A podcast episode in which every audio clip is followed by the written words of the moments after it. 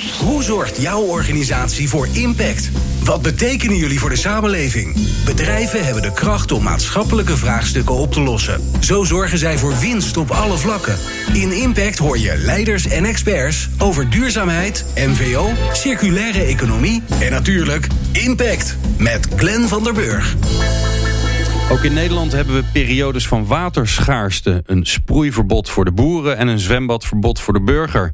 Regenwater wordt nu overal zo snel mogelijk afgevoerd... terwijl we water beter moeten vasthouden en gebruiken. Ja, en een, een schokkend voorbeeld vind ik toch wel dat de wc doortrekken bijvoorbeeld... dat kost als je op het goede knopje drukt 3 liter water... en als je op het verkeerde knopje drukt 6 liter water.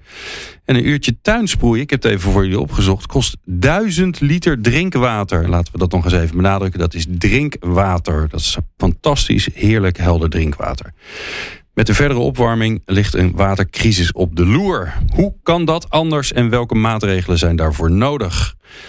We hebben vier gasten voor deze laatste podcast uh, vanaf uh, springtijd 2022. Marijn Ornstein, ze is dekgraaf van waterschap Vallei en Veluwe. Daar woon ik zelf, dus is mooi.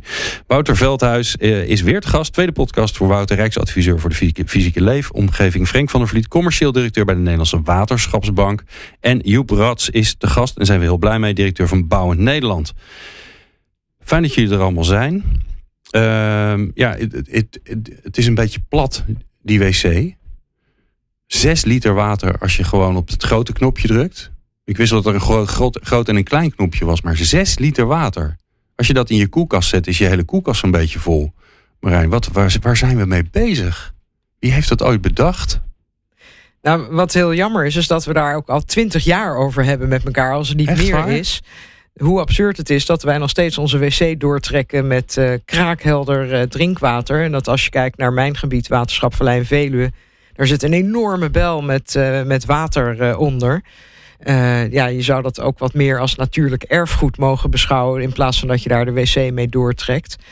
Maar dat gaat dus inderdaad... Uh, uh, ja, ons drinkwaterbedrijf Vitens, die pompt dat op. En dat gaat bijna zonder enige behandeling... drinkwaterleiding in... En zo kunnen we daar alle toepassingen mee doen, waaronder dus inderdaad de wc doortrekken.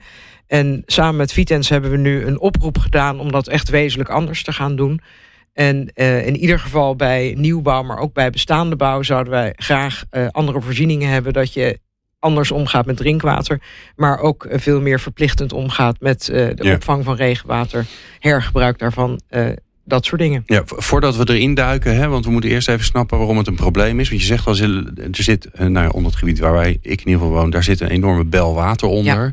Ja, die is toch zo groot. En dat is, en dat is zo, ook oud water, heb ik me ooit door Vitens ja. laten vertellen. Hè. Dat zijpelt heel langzaam door al die lage steen heen. Ja. Yo, dat duurt nog honderd jaar voordat we het op hebben.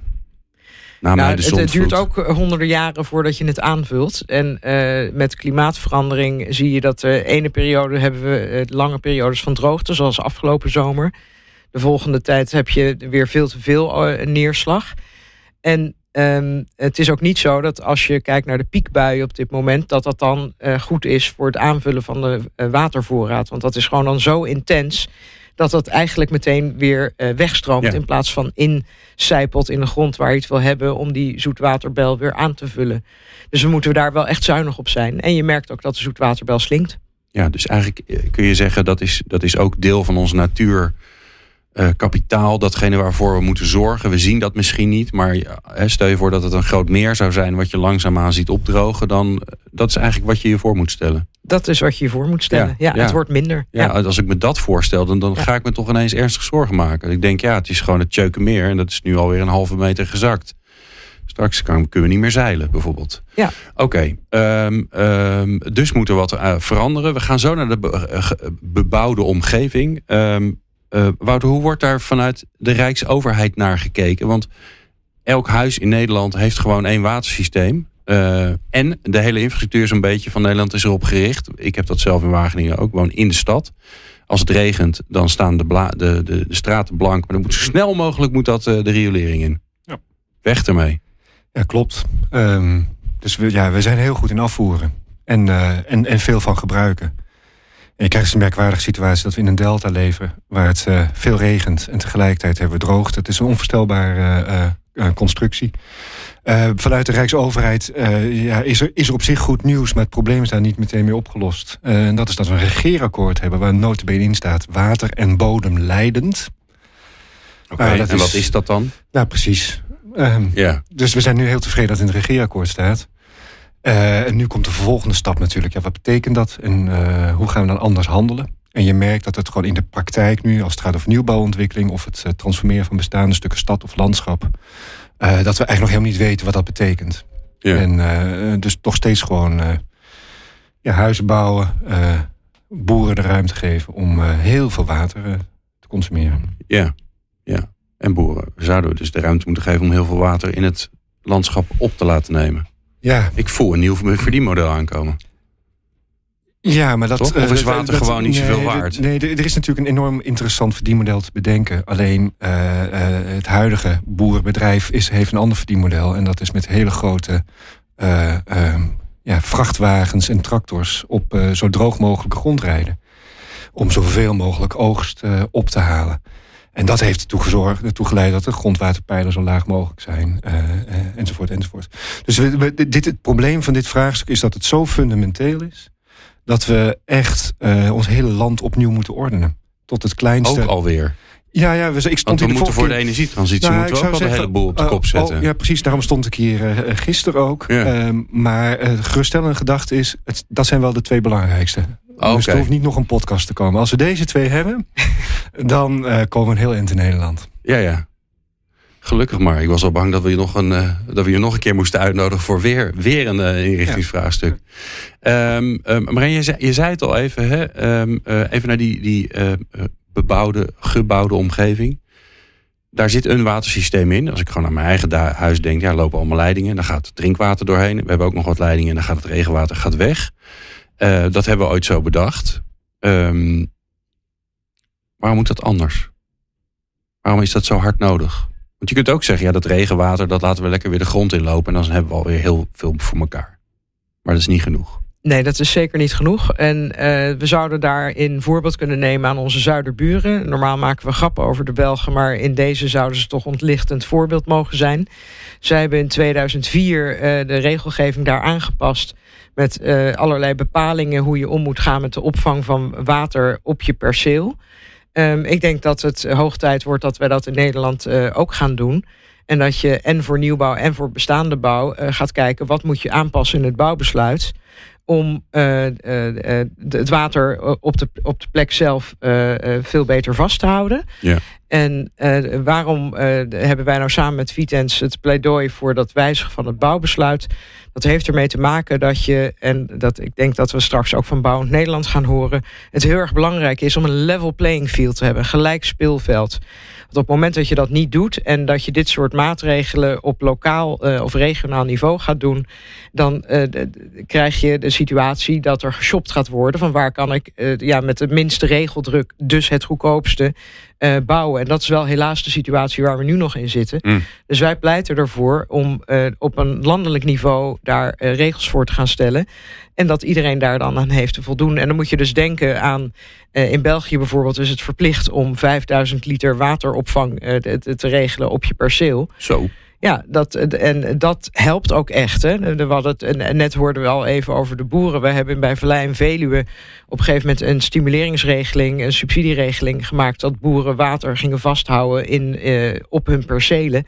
Ja, en dan merk je dat eh, op het moment dat je daar een subsidieregeling tegenover zet, boeren best wel geïnteresseerd zijn om daar aan mee te werken en bij te dragen. Want daar hebben ze ook weer op het moment dat het droger wordt plezier van. Ja. Um, Joep Ratsen, jij bent van Bouwend Nederland. Zeg jij, ja, moeten we doen dit? Die level, dat level playing field hebben we nodig. Bouwbesluit aanpassen. Want het is van de gek en niet meer van deze tijd. We vroeger hebben we het anders gedaan, maar het moet anders. Uh, het allereerste wat ik zeg, technisch kan het. hey, nou. Het kan. Nou. Dus dat is het eerste. Dus, en dat uh, dus we kunnen die systemen bouwen. Dat is mogelijk. En houdt dat dan in dat je gewoon twee waterleidingen krijgt? Een grijze en een, uh, en een, en een blauwe? Dat krijg je en daar hebben we ook eh, hele pakketten voor. Ook dat kan nog veel beter verder ontwikkeld worden. Maar we hebben gewoon experimenten gedaan en, en vormen waar dat gedaan hebben. Dat dat goed werkt. Dus er zijn toch ook wijken al zo gebouwd? Dat is toch ook gebeurd? Ja, en er zijn ook experimenten geweest. Niet altijd even succesvol. Dus we moeten ook nog wel een beetje oefenen hoe we het allemaal doen. Eh, en daar ben ik het wel met Marijn erg eens. Je moet, dat, je moet experimenteren op plekken uh, waar dat kan. Als we het uiteindelijk grootschalig willen, dan moet je inderdaad wel zorgen dat je dat op een goede manier erin brengt. Hè? Dus dat dat, dat dat bij elk huis uh, telt. Nieuwbouw is daar veruit het makkelijkst in. Hè? Dus bij toevoegen kun je meteen rekening houden. doen we met heel veel. Hè? En dan, dan, dan kan het ook snel. En met energie zie je dat ook. En met de huizen die we nu bouwen lijken niet op de huizen van vijf jaar geleden qua energieniveau. En helemaal niet van tien jaar of vijf. Dus dat kunnen we met water, kan dat ook. Uh, daar moet even wel een pad met elkaar over afspreken. Zodat dat ook langzaam zich zo kan ontwikkelen. En inderdaad ook zorgen dat het, uh, dat, ja, dat het in, in Nederland wel vergelijkbaar wordt. Dus dan krijg je al snel ook wel een beetje de vraag wie gaat die rekening daarvan betalen dat we dit doen. En een van de problemen van water is wel, het is relatief goedkoop. Dus dan, dan yeah. moeten we wel echt wat verzinnen hoe we dit uh, ja, zo gaan doen, dat we, het, dat we het op de juiste plek neerleggen. Ja, het gekke is natuurlijk dat we, je voelt terwijl je het over hebt. Hè, en ik bedoel, we blijven terugkomen op die wc. Maar ja, ik, ik zie dan maar gewoon dat je uh, vier, anderhalve liter flessen mineraalwater uh, gebruikt om je, je behoefte door te spoelen. Dat zou iedereen van de gekken vinden, maar dat doen we dus. Iedereen voelt dat het niet klopt. Maar het is inderdaad, financieel gezien, is het zo goedkoop, Nederlands water, en van zo'n goede kwaliteit, dat je denkt, ja, voor de investering hoef je het niet te doen.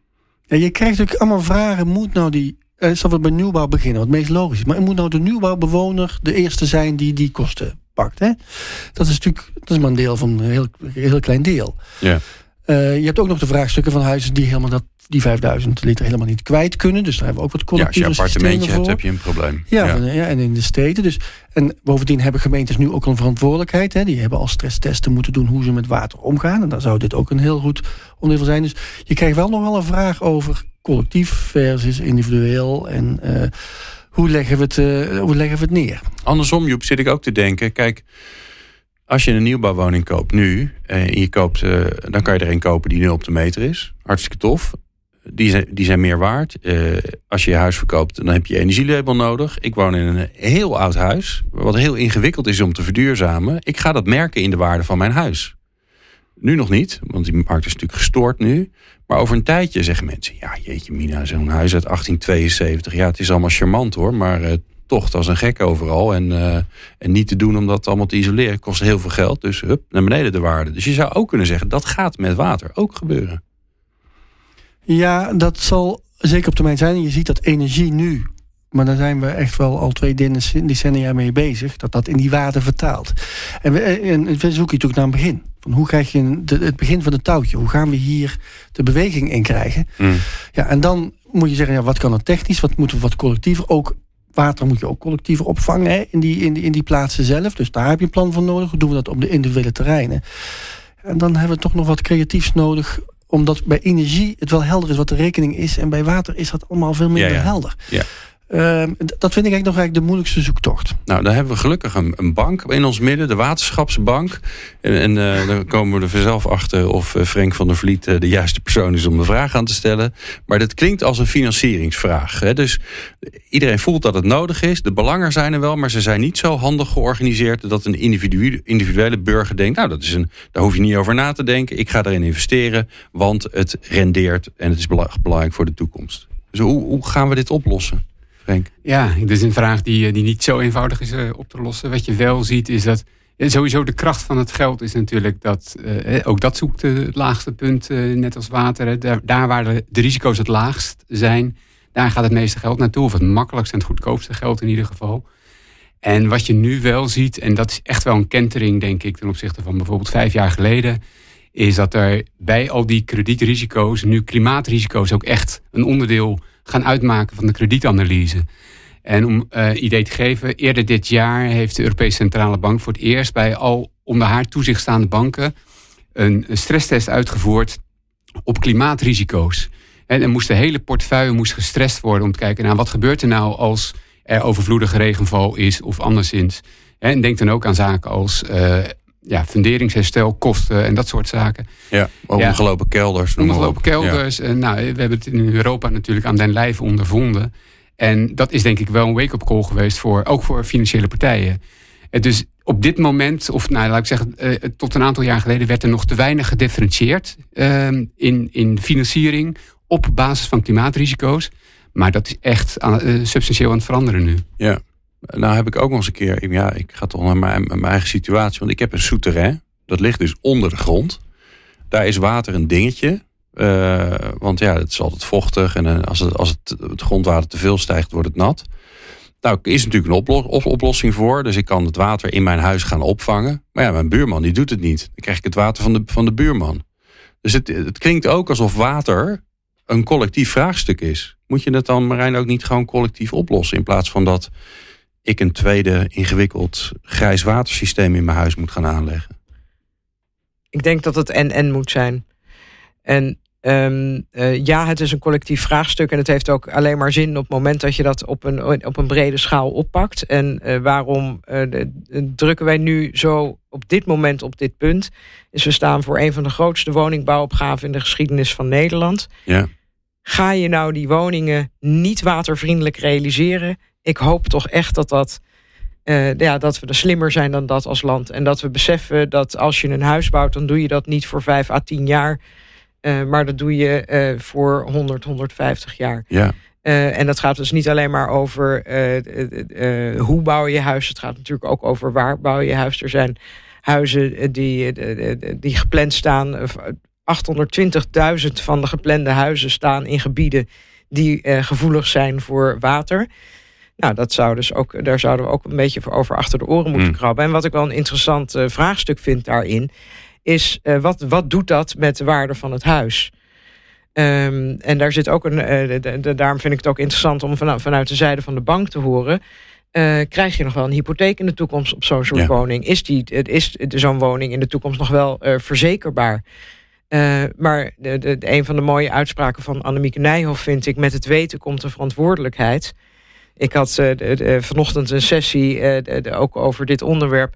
En daar heb ik even op Funda voorgelezen hoe de woning in Venendaal werd aangeprezen. Over hoe leuk die aan het water ligt. Er wordt met geen woord gerept over wat er gebeurt bij de eerste beste regenbui. Dus er zit een hele keten eigenlijk in van ook bewustwording.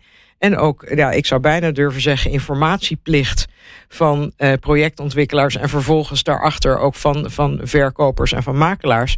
Om te zorgen dat mensen zich bewust zijn, waar woon ik eigenlijk? Want voordat je het weet, krijg je de toestand zoals we dat in Amerika en Verenigd Koninkrijk nu al zien. Dat uh, de mensen uh, die het niet kunnen betalen op de risicovolle gebieden mm. gaan wonen. En dan krijg je dus sociale segregatie langs klimaatlijn. Nou, ik weet ja. niet of dat nou de samenleving is die we moeten willen nastreven met elkaar. God, deze, deze zag ik niet aankomen, zeg. Dus het is ook nog eens een keer, ja, ja interessant. Ik weer wat geleerd. Dus dit is ook weer een, een gevaar dat de ongelijkheid versterkt wordt. In plaats van wat we natuurlijk allemaal willen, uh, dat die uh, beperkt wordt. Um, Joep Rats, Bouw in Nederland. We gaan, zeg ik even uit mijn hoofd, iets van 900.000 woningen bouwen. Dat is het doel, ja. Dat is echt heel veel, hè?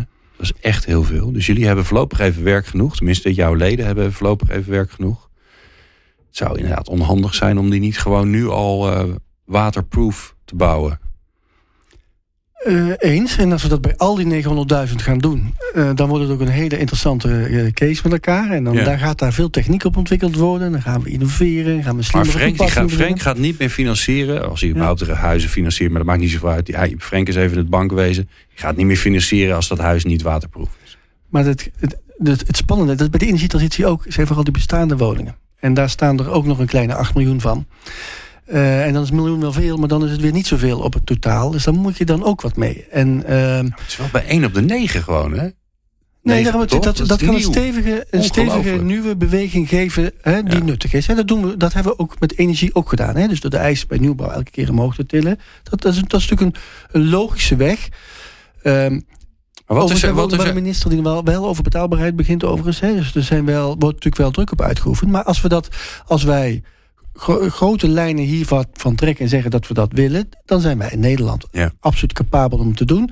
Maar we moeten wel naar de bestaande vorm. Want het is ook niet alleen die woningen. Hè. Dus we moeten het ook in die, die stresstesten zijn niet voor niks op gemeenteniveau. We moeten het op dat vlak bekijken. Daar zijn ja. ook nog andere infrastructurelere oplossingen mogelijk die ook heel veel kunnen opvangen. Dus het is, het is wel iets meer in samenhang dan alleen de nieuwbouw en dan Ja. hebben we het wel geregeld. Dat moeten we, wat, moeten we wel breder doen. Nou heb ik het privilege om hier... eh, jullie zijn pod- podcast 13, dus ik ben al 12 podcast wijzer geworden ondertussen.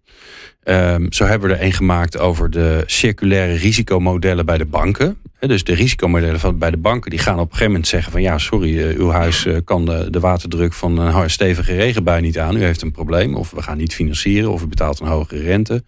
Of de verzekeraar zegt, ja, sorry, dit is niet, niet meer te verzekeren. Of je betaalt een hogere premie. Dus daar gaan natuurlijk dingen gebeuren. We hebben ook een podcast gemaakt over verder kijken dan alleen maar eh, de financiële eh, eh, KPI's en de, het bruto binnenlands product. We gaan dus breder kijken naar hoe, wat eigenlijk waarde heeft. Ehm, ik- ik denk eerlijk gezegd dat wij het hier allemaal wel redelijk met elkaar eens zijn. Waarom, waarom is het er dan nog niet, Marijn? Waarom hebben we dat bouwbesluit niet en op een termijn die Bouw Nederland acceptabel vindt, omdat er allerlei dingen nog natuurlijk georganiseerd moeten worden enzovoorts? Wie houdt het tegen? Nou, ik weet niet of er per se iemand is die het tegenhoudt, maar er moet gewoon eh, iemand gaan typen aan het bouwbesluit.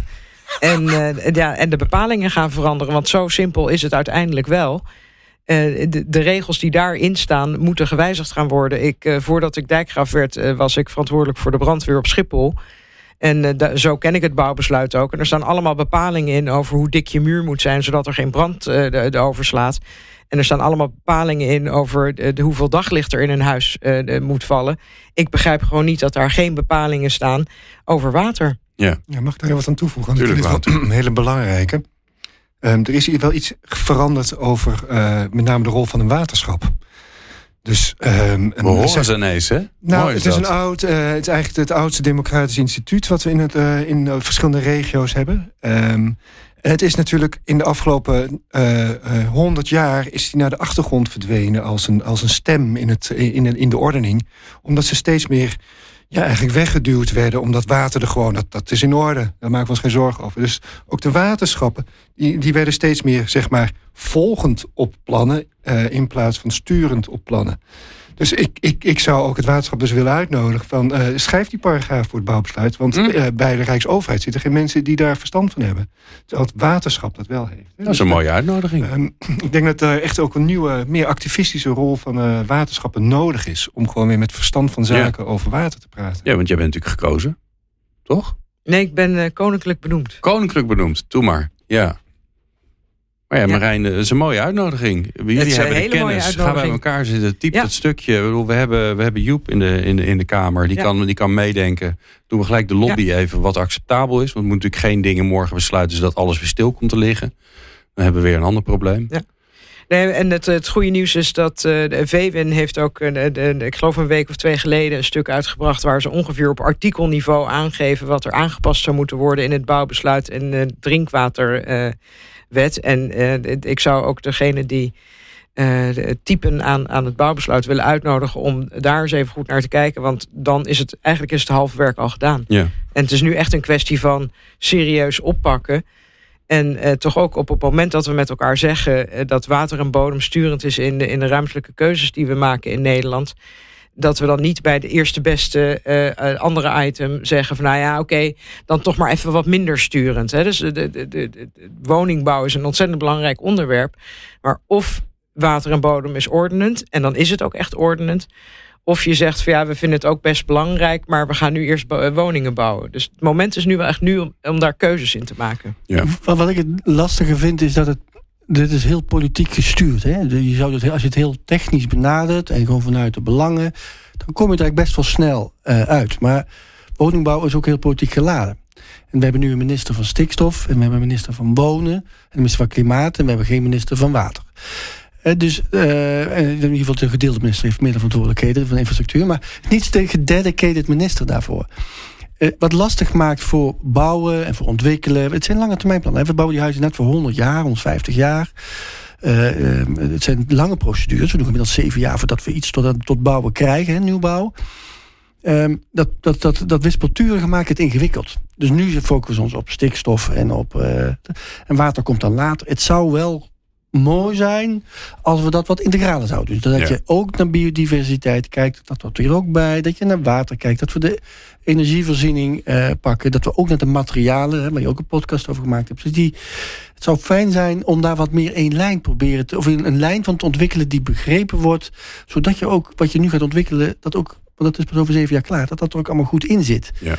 En, ja, en dat vind ik wel lastig in Nederland dat we het zo politiek gemaakt hebben, dat woningbouw. Terwijl je, als je het wat, wat minder politiek en gewoon technisch en gewoon bekijkt over wat is nodig voor Nederland, dan zou het eigenlijk veel makkelijker zijn om dat voor elkaar te krijgen. Ja.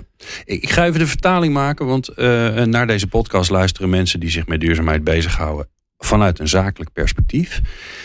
Ik hoor ook, er komt een nieuwe interessante markt, economie gedeelte uit. Namelijk, hoe gaan we met water om in onze nabije omgeving? Dus voor alle luisterende professionals, ondernemers die denken: hé, hey, maar wacht eens even, dat is interessant, daar kan ik misschien wel eens wat mee. Die zou ook wel wat tips van jullie willen geven. Dus dan ga ik beginnen bij Wouter, want die is Rijksadviseur, die is, die is bekend om te adviseren, dus dat is makkelijk. Wat zou jou, er, er luistert een enorme creatieve ondernemer, uh, uh, misschien werkt hij nog bij een bedrijf, maar die denkt: nou, dat, dat water vind ik altijd wel interessant. Wat zou je adviseren? Waar, waar zou je in moeten duiken? Waar liggen de kansen? Um, dat, dat, gaat over die 8 miljoen woningen die er al staan. Oké. Okay. Uh, want we focussen inderdaad al, op alles wat nieuw is. En je zegt dat ja, straks is uh, 1, op de, 1 op de 9 uh, staat onder water. Maar ze staan er nog helemaal niet. Het is papier. We hebben ook gewoon 8 miljoen die er al staan. En daar zit echt zo'n grote transitieopgave van die bestaande voorraad.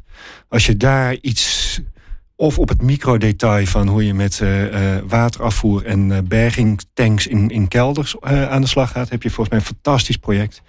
En, en, maar ook in de, ehm, in de ja, het sturen van alle engineering die nodig is. Dus je ziet nu dat als het gaat over stadsplanning, dat alle verschillende bloedgroepen die in die grond zitten, elektra, kabels, telefoon, internet, en dus ook klimaat en, uh, uh, en water, dat die uh, geen ruimte meer hebben. Dus dat moet opnieuw geordend worden mm. onder die grond. Dat wordt een enorme ruilverkaveling die zijn weerga niet kent. De laatste keer dat we dat gedaan hebben was de sanitatie ergens in eind 19e eeuw.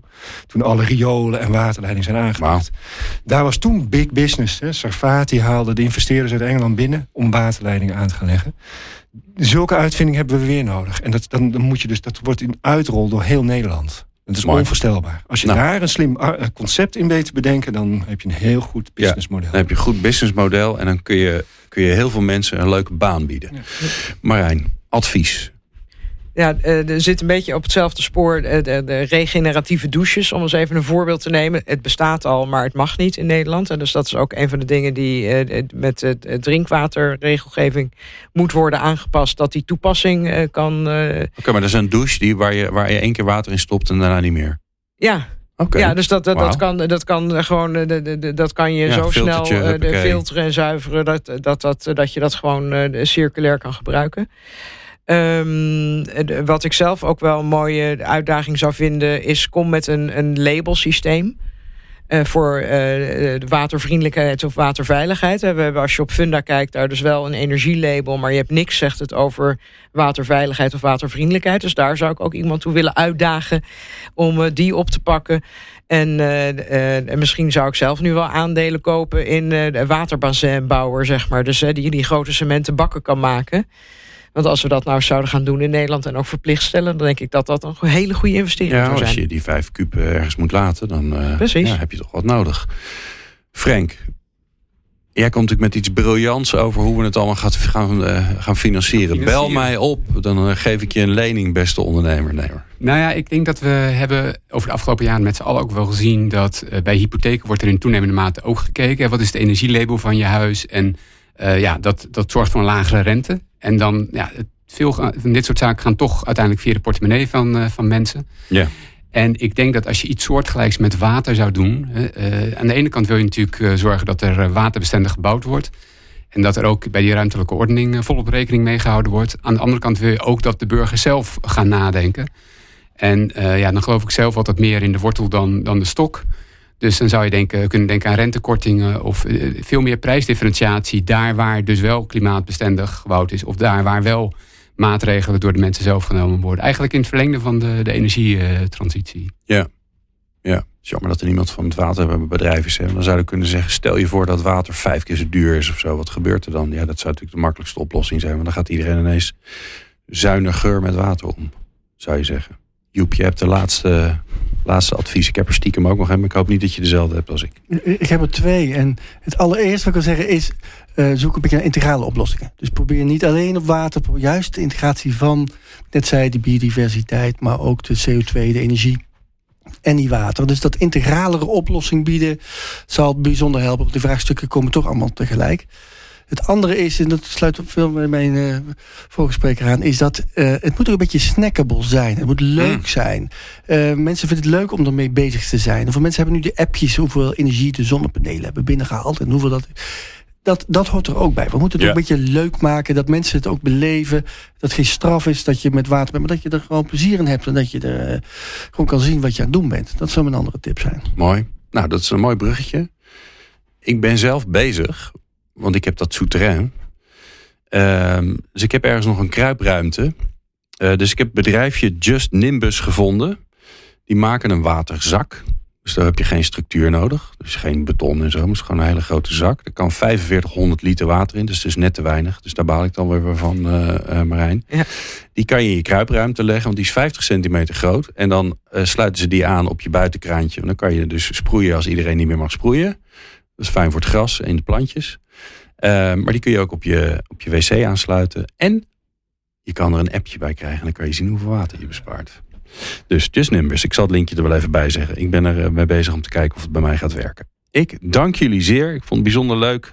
Jullie waren, uh, ja, dat is toch wel een dingetje. De laatste podcast die wij maken uh, vanaf springtijd 2022. We hopen natuurlijk dat we er volgend jaar weer zijn. Ik dank eerst mijn gasten, natuurlijk Marijn Ornstein van uh, Waterschap Vallei in Veluwe. Wouter Veldhuis, Rijksadviseur Frank van der Vliet van de Nederlandse Waterschapsbank. En Joep Rats van Bouwend Nederland.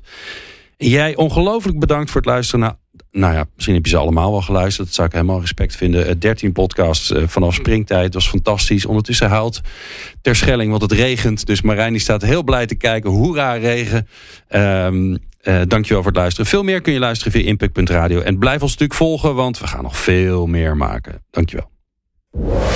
Meer afleveringen van Impact vind je op impact.radio.